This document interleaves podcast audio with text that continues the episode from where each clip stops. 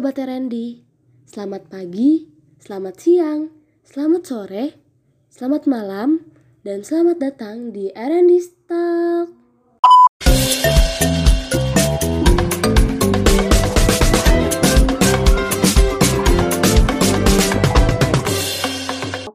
Perkenalkan, aku Anissa Rosilvia. Dan aku Mary Putri Landari. Kami sebagai host yang akan memandu podcast R&D Stock di episode kali ini. Nah, gimana nih kabarnya Sobat Randy? Semoga kalian sehat selalu ya. Oh iya, ngomong-ngomong soal kabar, Sobat Randy pada nggak sabar kan buat dengerin podcast episode ini? Bener banget, Mer. Aku sebagai hostnya aja udah gak sabar nih buat ngobrol-ngobrol seru sama tamu kita kali ini. Wah, kira-kira hari ini kita bakal ngobrol-ngobrol seru sama siapa nih, Teh? Jadi, di episode kali ini kita kedatangan alumni yang dulunya termasuk mahasiswa berprestasi dari program studi kita tercinta, yaitu Administrasi Keuangan Publik Universitas Pajajaran. Wah, siapa tuh, Teh? Kenalin dong. Oke, kita kenal langsung aja yuk. Halo Teh Sarah. Halo Nisa dan Mary. Uh, mungkin langsung perkenalan diri aja ya. Kenalin teman-teman semua. Nama aku Sarah Talia Suherman, merupakan alumni dari Administrasi Keuangan Publik angkatan 2017. Dan alhamdulillah benar kata tadi bahwa uh, aku juga sempat diberikan amanah untuk menjadi mahasiswa berprestasi tahun 2019. Nah, gimana kabarnya nih Teh? Baik, baik, Alhamdulillah. Gimana nih Mary sama Nisa kabarnya? Kabar aku Alhamdulillah baik juga. Kalau Mary gimana nih, Mary? Alhamdulillah kabar aku juga baik. Cuman agak stres sih kemarin-kemarin kan baru UTS ya Teh ya. Jadi aduh, shock gitu. Oh iya bener banget. Kita baru beres UTS ya. Ini buat uh, mengisi waktu luang setelah UTS dan juga menambah motivasi. Makanya kita ngobrol langsung nih sama Teh Sarah. Secara gitu, Teh Sarah kan mahasiswa berprestasi ya, Mer. Bener banget, Teh. Motivasi banget nih buat aku yang males-malesan. Oke, aku sama Mary udah gak sabar nih buat ngobrol-ngobrol sama Teh Sarah. Ya, betul banget, Teh. Kita langsung tanya-tanya Teh Sarah aja yuk, Teh. Oke, boleh-boleh. Oke, dari aku dulu mungkin ya, Teh ya. Yang pertama, kalau boleh tahu nih, Teh, kesibukan Teh Sarah saat ini ngapain aja, Teh?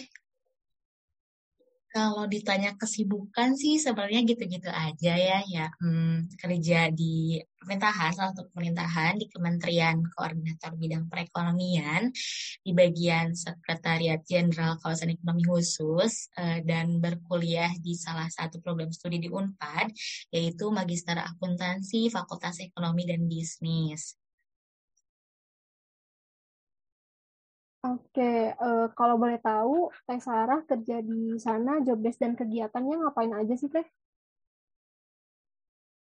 Aku kerja di Sekjen KEK e itu bagian pengelolaan, pengawasan, dan pengendalian, di mana kita itu job desk-nya ya mengawasi, mengendali, dan juga mengelola si kawasan ekonomi khusus. Jadi kalau teman-teman semua tahu nih ada salah satu kawasan ekonomi khusus yang lately jadi hot topic yaitu Mandalika karena MotoGP-nya.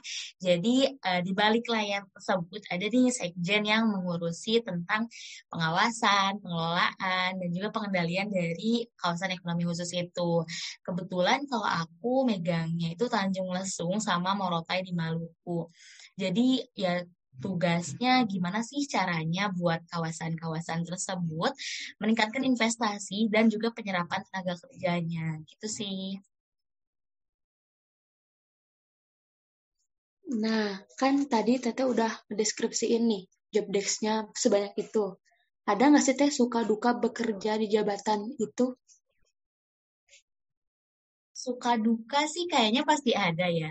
Nah, sukanya itu um, gimana ya? Jadi kalau misalnya kita uh, kerja itu banyak banget yang kita pelajari gitu yang bahkan kadang-kadang lebih dari apa yang kita pelajari di perkuliahan dulu gitu. Di mana kalau case-nya aku ini, aku banyak banget nih belajar tentang kebijakan-kebijakan pemerintah yang sebenarnya uh, kita itu nggak tahu gitu. Misalkan kalau dulu kita belajar perpajakan cuman gimana ngitung PPN, PPH, dan lain-lain.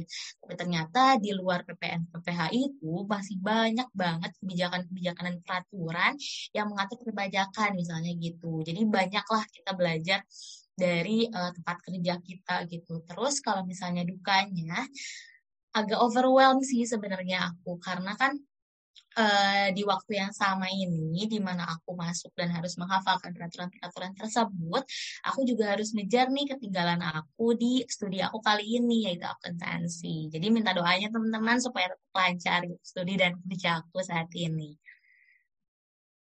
Amin. Amin. Uh, semoga kuliahnya Teh Sarah dan kerjanya juga berjalan dengan baik ya Teh, dan saling seimbang di antara keduanya. Amin, makasih. Oke, kita balik lagi nih ke uh, pembahasan kita selanjutnya. Karena tadi Teteh singgung nih kalau Teteh tuh kerja di bidang ekonomi ya. Pernah kepikiran rasa takut nggak sih karena memegang tanggung jawab yang sebesar itu dan bagi Teteh itu kan karena baru juga nih ada juga ketertinggalan. Jadi Teteh ngerasa apa ya sensitif kah atau takut gitu uh, buat uh, menjalani tugas yang Teteh emban di pekerjaan Teteh saat ini? Bener banget nih, tapi kalau misalnya rasa takut itu sebenarnya kalau misalnya aku itu ngerasainnya pas sebelum aku masuk ke kerjaan saat ini. Jadi banyaklah sekelibat-sekelibat kayak worst case skenario yang sebenarnya nggak kejadian gitu waktu aku masuk ke uh, pekerjaan aku saat ini. Cuman uh, balik lagi tadi di mana dengan rasa takut tersebut sebenarnya dengan keadaan harus mengejar ketinggalan dan lain-lain berarti kita itu harus bekerja lebih maksudnya harus berusaha lebih banyak lagi gitu dan juga tentunya di mana outcome-nya itu pasti dengan belajar lebih banyak lagi. Jadi sebenarnya e, daripada kita fokus ke takut tersebut, lebih baik kita fokus ke how to uh, tackle the fearness gitu. Gimana cara kita tuh nggak takut lagi yaitu ya dengan mengerjakan ketinggalan ketertinggalan dan melakukan tanggung jawab dengan sebaik-baiknya. Mungkin gitu sih. Mantap nih, Teh Sarah. Nah, mungkin untuk kerjaan dan fase sekarang dicukupkan ya Teh ya. Kita coba flashback nih ke masa lalu. Teh Sarah waktu di AKP ini pernah ikutan hima nggak sih Teh?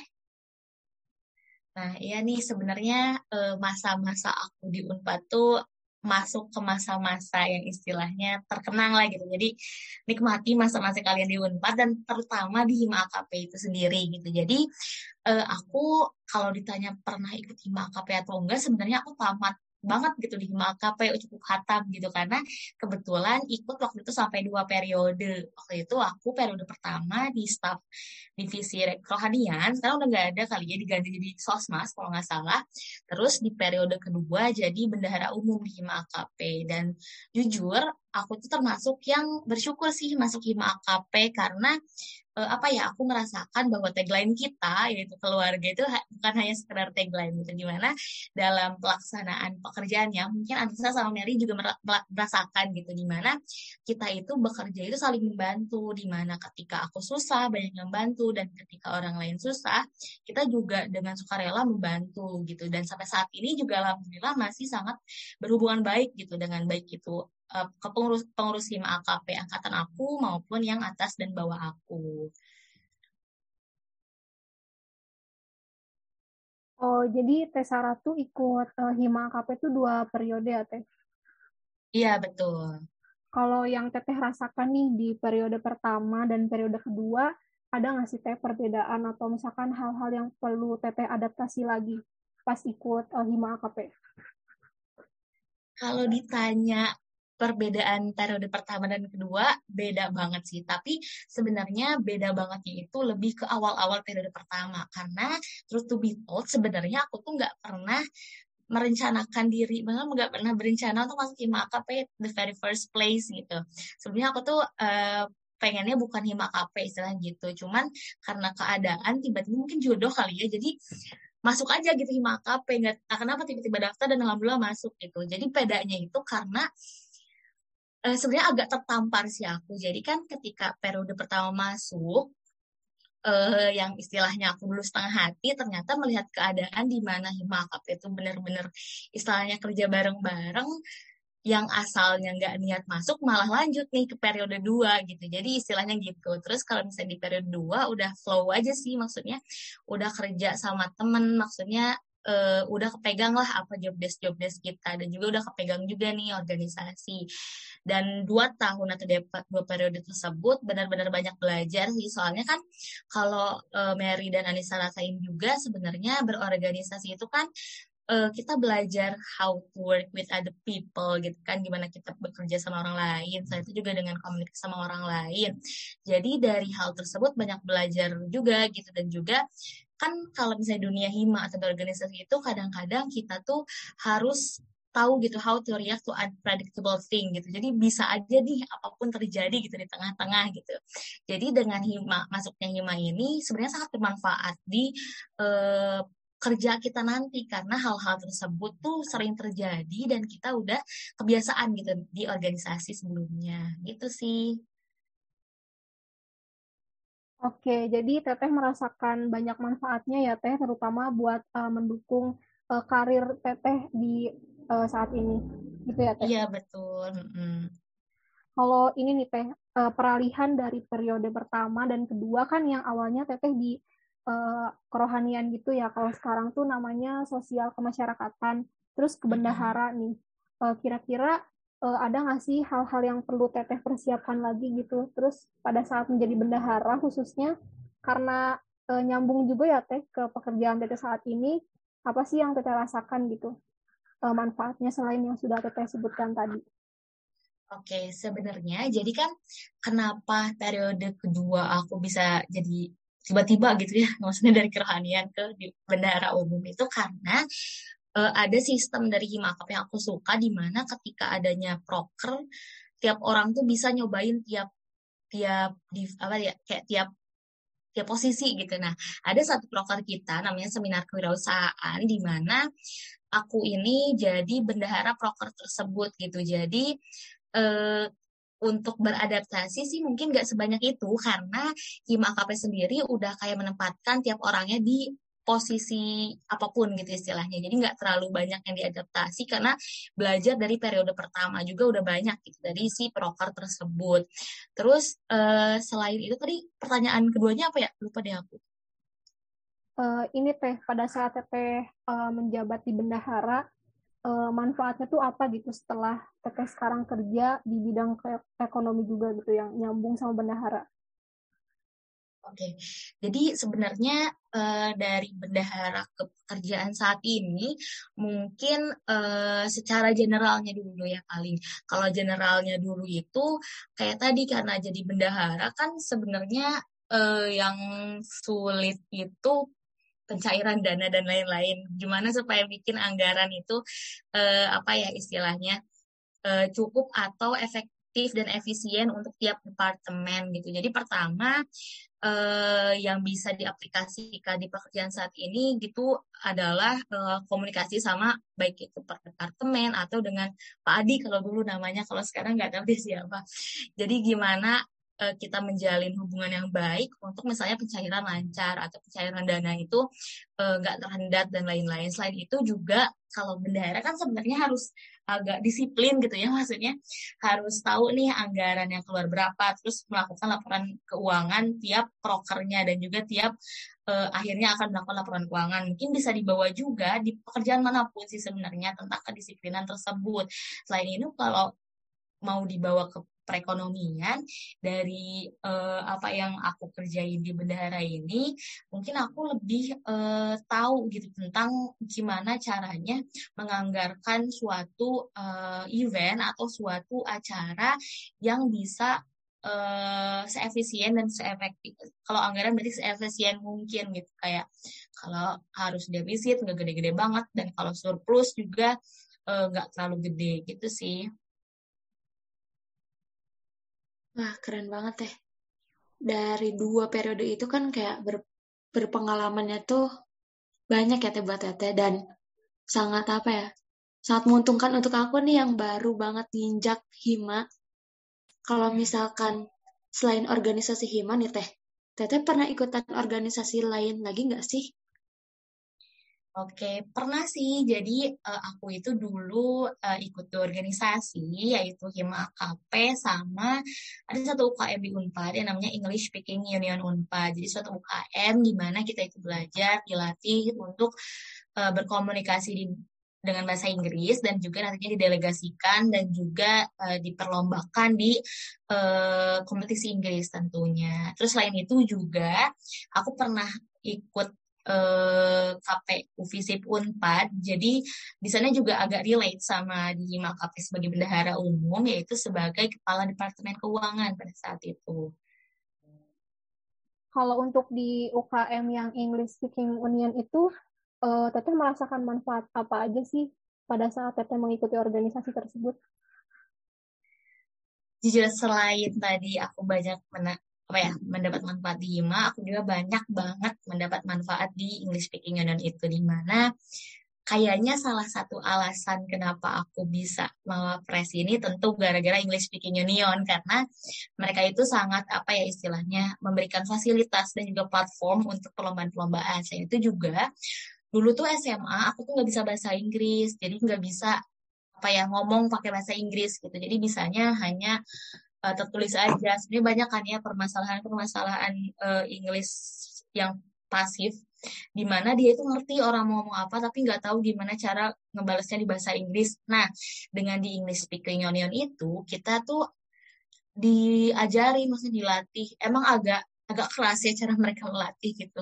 Jadi kita dilatih di sana gimana caranya kita tuh harus bisa ngomong bahasa Inggris. Jadi kalau terkait manfaatnya tentu banyak banget manfaat di mana aku merasakan skill aku khususnya di bahasa Inggris ini uh, cukup naik pesat nih gara-gara si English Speaking Union ini. Selain itu juga mereka kan sebenarnya UKM untuk lomba. Jadi dengan perlombaan-perlombaan tersebut alhamdulillah nih bisa terkumpul lah jadi uh, untuk menggapai cita-cita aku gitu waktu itu waktu masa Unpad untuk menjadi mawapres di tahun 2019. Oke teh, mau nanya nih teh, dari mm -hmm. banyaknya organisasi dan UKM yang teteh ikutin, mm -hmm. hmm, gimana sih teh cara teteh bagi waktu antara kuliah terus uh, ngerjain eh ngerjain ikut UKM terus ikut organisasi juga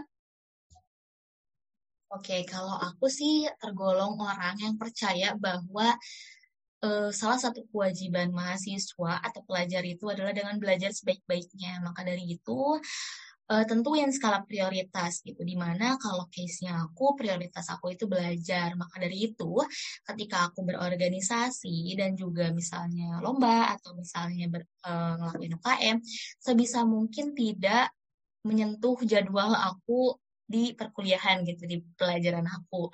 Jadi kalau misalnya intinya gimana bagi waktunya, pertama tentu skala prioritas kalian.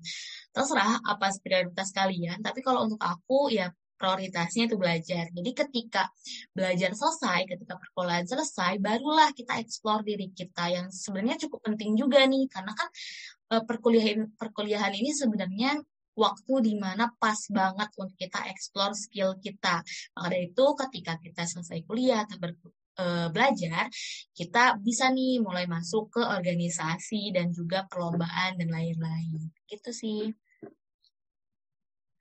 Kalau misalkan nih TPT dihadapkan dengan uh, tugas di organisasi, terus juga di kuliah, Teteh lagi banyak banget yang harus dikerjain, atau misalkan lagi nyiapin buat kuis, UTS, UAS, yang teteh lakuin tuh biasanya gimana sih teh?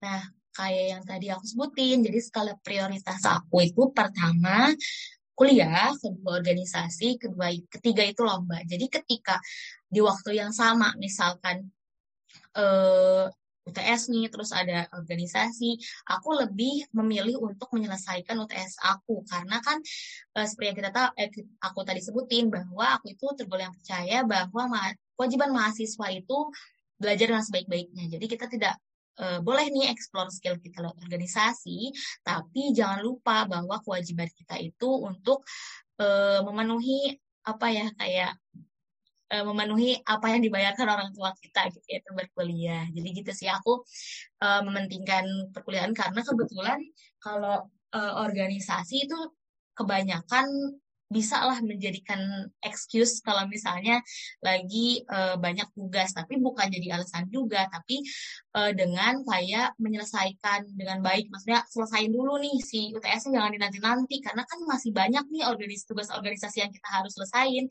jadi sebenarnya uh, positif thing dari kita berorganisasi juga dengan karena tugas kita banyak, maka harus ada satu tugas yang kita selesaikan secepat mungkin dan sebaik mungkin gitu. Karena di belakang sana masih ada tugas-tugas kita yang menunggu kita untuk kerjakan gitu sih. Oke, jadi uh, tentuin dulu skala prioritas, terus uh, setelah skala prioritasnya ada, kita kerjain nih mana dulu yang lebih penting, terus enggak ini ya teh berarti nggak multitasking gitu ya karena kalau kayak gitu jadi berantakan kalau teh kayak gitu nggak sih teh? Jadi uh, Iya, aku setuju kalau misalnya kan kadang-kadang kalau kita multitasking itu kadang-kadang apa yang kita kerjain itu nggak optimal ya. Jadi aku lebih memilih untuk menyelesaikan satu pekerjaan dengan optimal supaya nantinya bisa melanjutkan pekerjaan lain secara optimal juga. Gitu nih.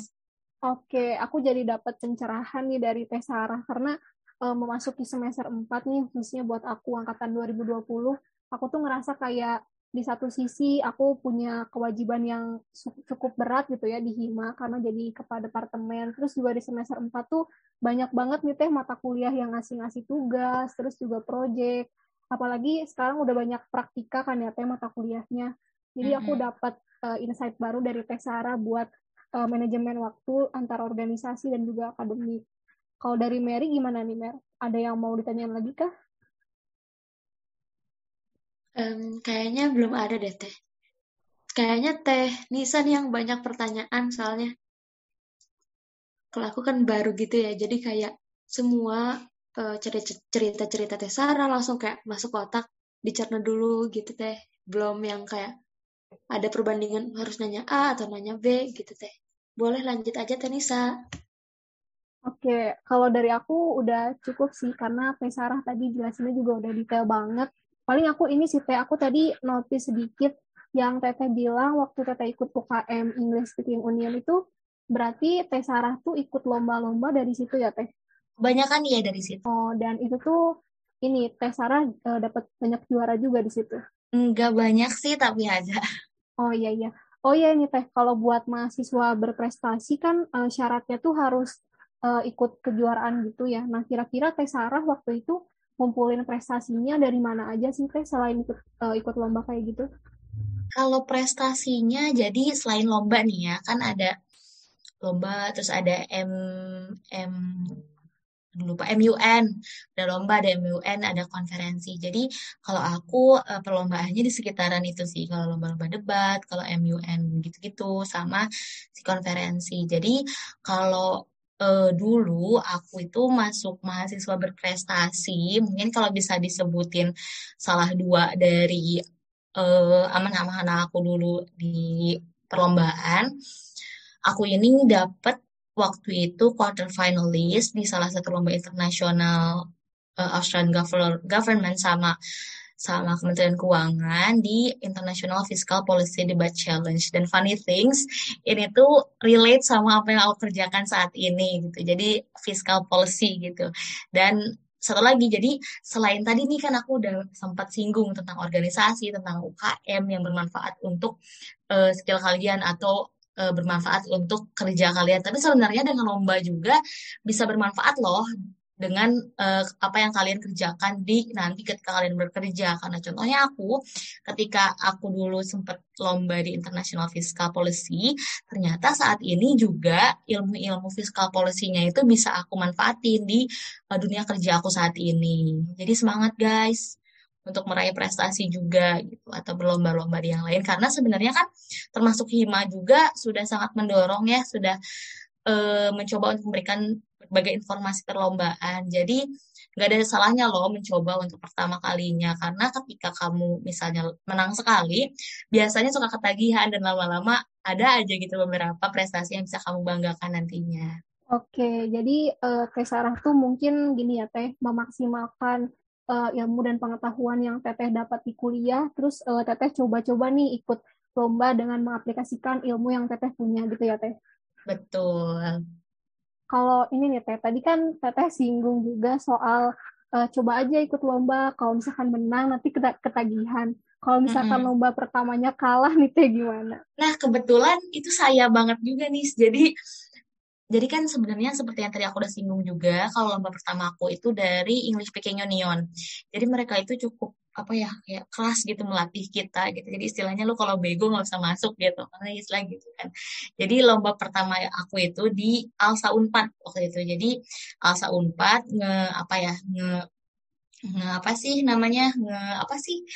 Menyediakan mengadakan. Mengadakan lomba lebat di di Alsa Unpad di Unpad waktu itu. Jadi itu lomba pertama aku. Aku masih ingat Februari 2018 waktu lomba pertama aku. Karena aku itu cukup yang lama gitu bisa didelegasikan oleh SU Unpad. Karena uh, seperti yang aku ceritain dulu aku nggak bisa ngomong bahasa Inggris. Dan SU Unpad aku bisa bahasa Inggris dan udah mah istilahnya pas dilatihnya keras, aku agak tertekan gitu dengan tim aku. Terus pas lomba pertamanya kalah lagi. Tetapi ternyata yang aku rasain itu ketika kalian punya positif vibe, ketika kalian optimis dan apa ya kayak melihat masa depan dengan positif gitu, bukannya malah minder, bukannya malah pas apa ya putus asa gitu, tapi kalian tuh malah penasaran harusnya. Jadi kenapa sih pertama kita lomba ini bisa kalah? Kenapa sih gitu? Uh, apa sih yang harus kita lakuin supaya next time kita lomba kita menang? Nah dari positive vibe tersebut bakal cobain lagi gitu kalian. Dan insya Allah walaupun setelahnya mungkin nggak menang, tapi ketika kamu berusaha adalah progres dari kekalahan itu sendiri. Karena kalah itu bukan berarti gagal sih karena kalah itu juga berarti kita harus belajar lebih baik lagi supaya menggapai kemenangan di depannya gitu sih Miss.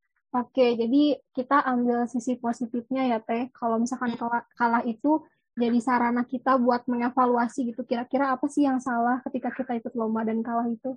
Mm-mm, benar. Oke, aku jadi termotivasi juga nih karena kebetulan aku juga baru aja ikut lomba dan kayak oh kenapa ya aku nggak lolos? Padahal udah kayak ngerjainnya semaksimal mungkin gitu nyempetin waktu lomba apa nih Sa kalau boleh tahu? lomba esai oh, keren banget semangat. Jadi kemarin nggak lolos belum lolos?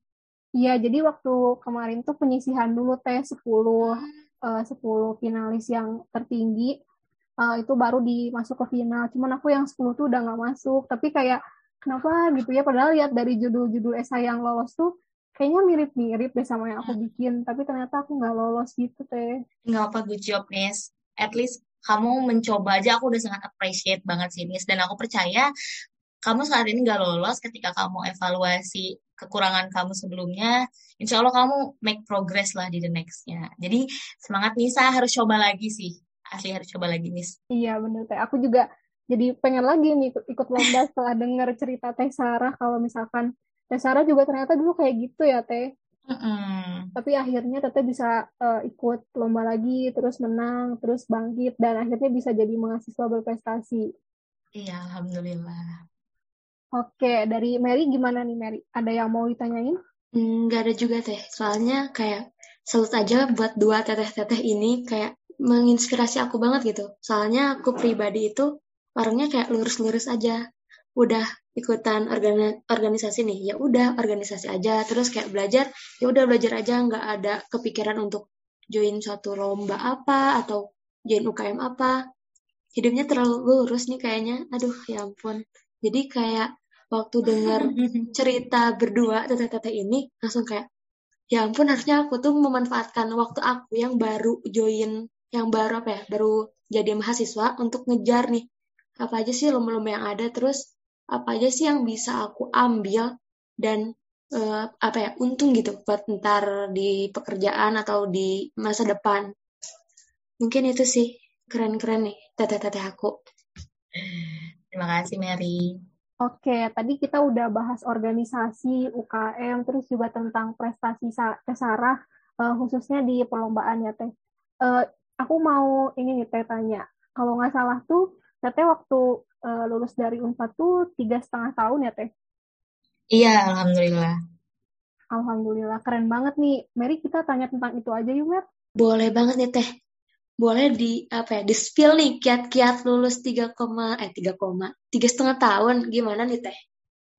Jadi sebenarnya aku mau bikin apa ya, mau mau menyampaikan kredit juga buat Teh Sani, Teh Sarah dan juga Teh Citra yang juga tiga setengah tahun. Mereka angkatan 2016 di atas aku karena mungkin agak sama kayak Mary kali ya. Jadi pas aku masuk itu sebenarnya aku nggak ada kepikiran untuk bisa tiga setengah tahun karena aku pikir nggak bisa gitu kan.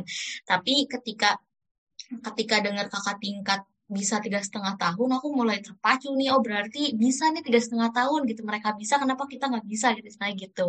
Nah kiat-kiatnya jadi pertama sih niat dulu udah kayak sholat gitu ya niat dulu. Pengen nih kayak udah muncul nih aduh pengen nih tiga setengah tahun gitu kalau bisa. Nah selain niat kita juga tentu harus ada usaha di mana kalau berarti Nisa juga belum semester 5 ya. Jadi kalau dulu aku semester 5 itu ada e, mata kuliah metode penelitian di mana kita itu belajar e, untuk bikin bab 1 sampai bab 3. Nah, beda sama teman-teman aku sebelumnya, istilahnya e, beberapa itu kayak ya udahlah yang penting dikumpulin gitu, yang penting jadi gitu bab 1 sampai bab 3. Cuman aku tuh udah niat dari awal bahwa bab 1 sama bab 3 yang udah aku kerjain di Medlit ini harus judul yang aku bawa nanti sampai sidang. Dan alhamdulillahnya nggak jauh beda lah sama yang medlit aku kerjain waktu itu. Jadi kiat-kiatnya itu pertama, ketika kita belajar medlit, kita kerjakan dengan sungguh-sungguh, kita, kita kerjakan dengan sebaik-baiknya, dengan niat bahwa draft tersebut akan kita bawa sampai nanti kita sidang gitu. Karena yang aku rasain, beda aja gitu mentalnya ketika kita bimbingan kita udah megang tiga bab sama ketika kita bimbingan kita masih nol banget gitu. Jadi beda mentalnya. Jadi ketika aku bimbingan nah mungkin ini kiat-kiat yang kedua di mana kalau dulu uh, ada satu teteh dari kita tersebut mulai di Januari semester 6 semester 6 apa semester 5 ya? Semester 6 deh kayaknya ya semester 6 aku ini mulai uh, bimbingan Februari semester 6 di mana emang lebih cepat daripada uh, sebelum-sebelumnya. Jadi pas semester 5 kita udah tahu nih udah punya bab 1 sampai bab 3 udah punya judul udah punya perusahaan. Nah di semester selanjutnya di awal tahun ini kita harus mulai bimbingan karena supaya ada progres gitu supaya ada mengevaluasi si bimbingannya tersebut jadi pertama udah punya draft bab 1 sampai 3 di semester 5 kedua di semester 6 awal ini udah mulai bimbingan. Nah, selain itu juga uh, kiat-kiat yang ketiga itu uh, kita itu harus bimbingan, maksudnya aku tuh percaya kalau mau cepat itu harus ada progres tiap harinya istilahnya kayak gitu. Jadi mungkin karena Nisa sama Yari belum ngerasain juga, jadi ketika kita direvisi pembimbing itu kadang-kadang kita kena mental gitu gimana kadang-kadang ah udahlah males gitu kayaknya nah rasa males itu lebih baik dilawan karena ketika kita males malah akan bikin lama gitu kita lulusnya. Jadi ketika kita direvisi ya langsung revisi aja. Terus kalau aku tuh e, merevisinya itu jadi karena aku pengen cepet selesai gitu. Jadi aku lebih milih untuk satu hari ini aku dari pagi sampai sore ngerevisi, tapi besoknya aku bisa santai gitu. Jadi dengan progres tersebut, alhamdulillahnya tercapailah tiga setengah tahun. Sebenarnya ini juga berkat dosen pembimbing aku yang baik, Burgia dan Pak Iman yang juga semangat, sehingga akhirnya aku bisa uh, lulus tiga setengah tahun. Mungkin itu sih. Nah, oh. boleh dong Teh, aku pengen nanya. Kalau dulu waktu Teteh bikin skripsian, judul skripsinya apa sih Teh? Uh, aku itu judul, judul skripsinya penerapan prinsip akuntabilitas dalam pengamanan aset tanah PT Kereta Api Indonesia Persero di Kota Bandung. Uh, masih inget ya alhamdulillah. Mm-mm, itu. Oh iya karena teteh juga magang di PT KAI ya? Mm-mm, betul. oh iya Mm-mm. itu juga bisa masuk kiat-kiat sebenarnya. Jadi eh, Mary sama Nisa kayaknya belum magang ya. Jadi kalau misalnya magang itu harus dimanfaatkan dengan sebaik-baiknya, Mary. Jadi ketika kita magang, kita itu lebih akses datanya kan pasti lebih mudah ya. Jadi ketika kita magang, jadiin aja itu lokus penelitian karena ketika kita dapat akses mudah, kita wawancara gampang, itu tuh bisa mempercepat skripsi karena sebenarnya selain eh, apa ya motivasi menulis, ketersediaan data juga bisa jadi hambatan kita skripsi. Jadi kita kata magang, kita bisa memanfaatkan dengan sambil ngambil-ngambil data nih buat skripsi nanti gitu sih, Mer. Oke, Teh. Gimana nih teknis? Apakah ada yang pengen ditanyain? aku mau rangkum aja nih dari kiat-kiat Tesara yang udah tadi Tesara sebutin. Uh, jadi pertamanya tuh niat dulu ya teh. Terus uh, di semester 5 tuh nanti bakal ada mata kuliah metode penelitian yang bisa jadi sarana gitu ya buat langkah awal penyusunan skripsi uh, khususnya di prodi AKP. Terus juga ketika udah punya draft nih dari metode penelitian, uh, segera bimbingan dan ketika bimbingan ada yang harus direvisi itu jangan males ya, tadi langsung dikerjain gitu ya. Hmm, betul. Uh, kalau soal magang nih teh, kira-kira uh, Teteh waktu itu dapat instansi magang PTKA itu dapat dari mana ya Teh? Teteh cari sendiri kah atau misalkan dibantu oleh pihak uh, prodi? Kalau aku kebetulan cari sendiri, jadi kan kalau kurikulum sekarang beda ya. Kalau nggak salah kalian ada masuk kurikulum ya magangnya. Kalau dulu tuh aku nggak nggak ada apa sih nggak ada masuk kurikulum. Jadi gini temanku tuh ada yang magang di KAI juga untuk mengisi semester libur semester. Nah ketika dengar itu oh ternyata bisa magang di KAI setelah itu semester libur semester selanjutnya aku daftar lah KAI dan alhamdulillahnya sambil ngambil data waktu itu sebenarnya. Jadi dari ngobrol di sana dijadikanlah judul skripsi. Itu sih. Jadi milih sendiri kalau dulu di KAI itu. Oh jadi uh, mandiri gitu ya teh nyari instansinya? Mm -mm. kalau yang uh, matkul metode penelitian itu teh kira-kira kalau misalkan di metode penelitian kemudian di semester selanjutnya mau bimbingan beda judul tuh gimana kira-kira? Jadi nggak ada draftnya lagi dari awal. Nah kalau menurutku tuh agak sayang kayak gitu soalnya kan e, sebenarnya kalau yang aku rasain kayak yang tadi aku sebelumnya sebutin mental itu beda dengan kita megang tiga bab sama kita mulai dari nol lagi gitu. Jadi sayang aja kalau kita nggak ngelanjutin medlitnya kalau aku. Jadi aku tuh cepetnya dari si itu. Jadi judulnya agak sama. Sebenarnya aku juga ganti judul sih karena kan ketika bimbingan pasti direvisi sama dosen pembimbing. Jadi istilahnya ketika kamu megang bab tiga aja pasti direvisi, apalagi mulai dari awal. Kalau gitu sih aku uh, ngerasainnya dulu. Tapi nggak apa-apa, maksudnya nggak berarti yang mulai dari awal nggak bisa tiga setengah ya, nggak apa-apa.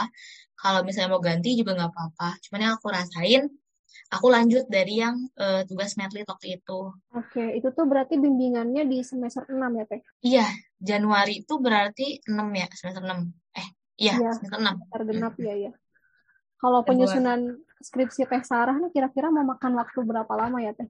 Eh, sebenarnya penyusunan skripsi aku tuh untuk sebelum UP itu dari Februari sampai Maret eh sampai April. Enggak dari Februari sampai Mei. Berarti berapa bulan? Maret April Mei. Tiga bulan. Jadi UP agak cepat.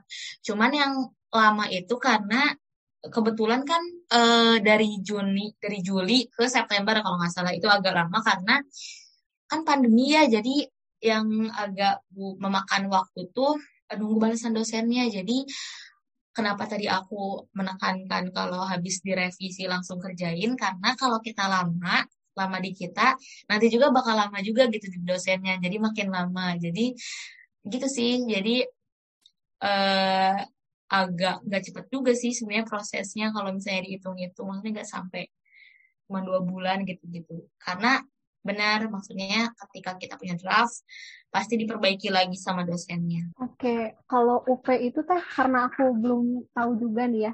Kalau mm. UP itu usulan penelitian kan ya? Mm -mm. Itu dilaksanakannya tuh sebelum menyusun skripsi atau ketika menyusun skripsi? Oh iya, jadi gini. Uh, oh berarti belum relate ya, belum relate banget. Jadi gini, UP itu kita mempresentasikan. Jadi kan kalau skripsi, skripsi itu ada lima bab ya. Nah, UP ini kita mempresentasikan tiga bab dari lima bab tersebut. Jadi sebelumnya kita bikin dulu tiga bab, bab satu sampai bab tiga. Ketika di sama dua dosen pembimbing, kita lalu UP. Jadi UP dulu, eh, dan jadi susun dulu skripsi sampai bab tiga, baru UP. Setelah kita UP, lanjutin si bab tiganya, bab empat, bab lima, baru sidang akhir gitu nih. Tangkep nggak? Oh iya ngerti teh. Jadi UP tuh kayak aku ada usulan penelitian nih, kira-kira di ACC nggak sama Bapak Ibu dosen gitu ya Teh? Nah, ketika udah UP baru kita mulai penelitiannya untuk mengisi bab 4 sama bab 5-nya. Tapi nggak apa-apa mau studi pendahuluan buat nyari data juga nggak apa-apa supaya cepet. Kalau UP itu mekanismenya kayak gimana teh? Kayak sidang akhir kah atau beda? Sama kayak sidang akhir, kita presentasi 10 sampai 15 menit, terus nanti uh, ditanya-tanya sama dosen pengujinya. Sama banget, cuman bedanya isinya kalau UP cuma sampai bab 3, kalau sidang akhir dari bab 1 sampai bab 5 gitu. Oke, udah mulai kebayang nih, karena aku juga suka lihat story dari cutting AKP itu kayak uh, selamat UP, selamat UP, aku kurang ngerti nih UP itu apa gitu, terus UP itu kapan gitu teh. Iya gitu, UP. kita UP-nya cuma sekali langsung sidang. Oke, udah cukup jelas sih, aku juga jadi tahu tentang banyak hal nih khususnya buat skripsi. Karena aku juga nggak kerasa ya teh meskipun aku terhitung belum pernah merasakan kuliah offline tapi kayak nggak kerasa iya, gitu waktu udah mau semester lima aja nih nanti aku bakal menghadapi metode penelitian juga ya teh. Iya bener oh iya kalian gak pernah offline ya? Kasihan. Iya aku belum. Uh, aku mau nanya nih teh. Uh, bukan nanya sih sebenarnya lebih ke minta motivasi dari teteh nih buat mahasiswa mahasiswi yang sedang ikut organisasi terus juga yang lagi berjuang di semester akhir khususnya buat yang ingin lulus tiga setengah tahun apa sih motivasi dari Teteh gitu buat oh. mereka biar terus semangat? Oke, okay. jadi kalau motivasi dari aku sih, jadi tadi kita ngobrol-ngobrol itu cerita yang aku ceritakan dari tadi kan sebenarnya cerita aku nih dan motivasi kalian adalah uh, aku percaya setiap orang itu punya potensinya masing-masing. Jadi PR kalian mungkin how to explore the, uh, potensi tersebut gitu untuk jadi mahasiswa berprestasi itu nggak harus jadi mawapres, nggak harus menang lomba, nggak harus jadi kahim atau kabem misalnya kayak gitu.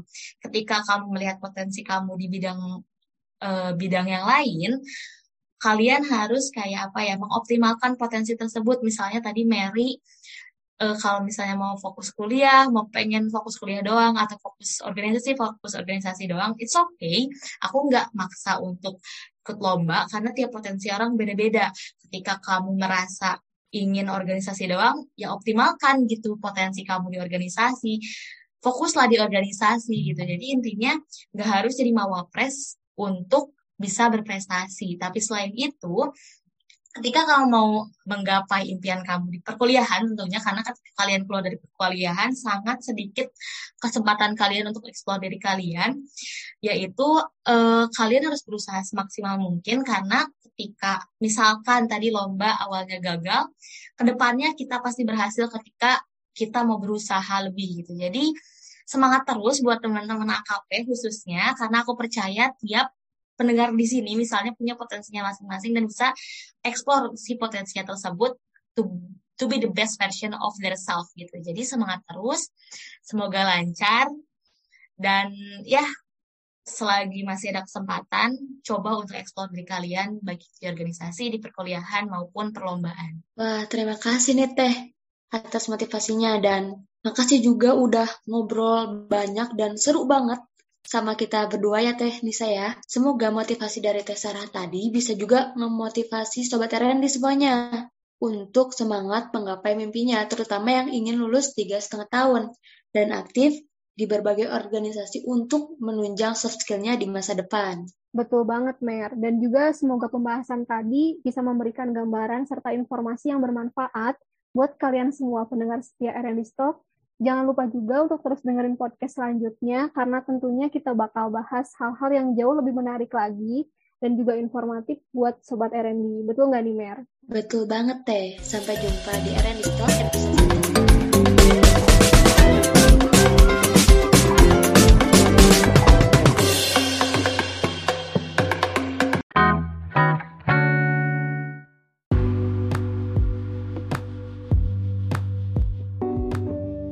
Terima kasih kepada Sobat R&D yang telah mendengarkan.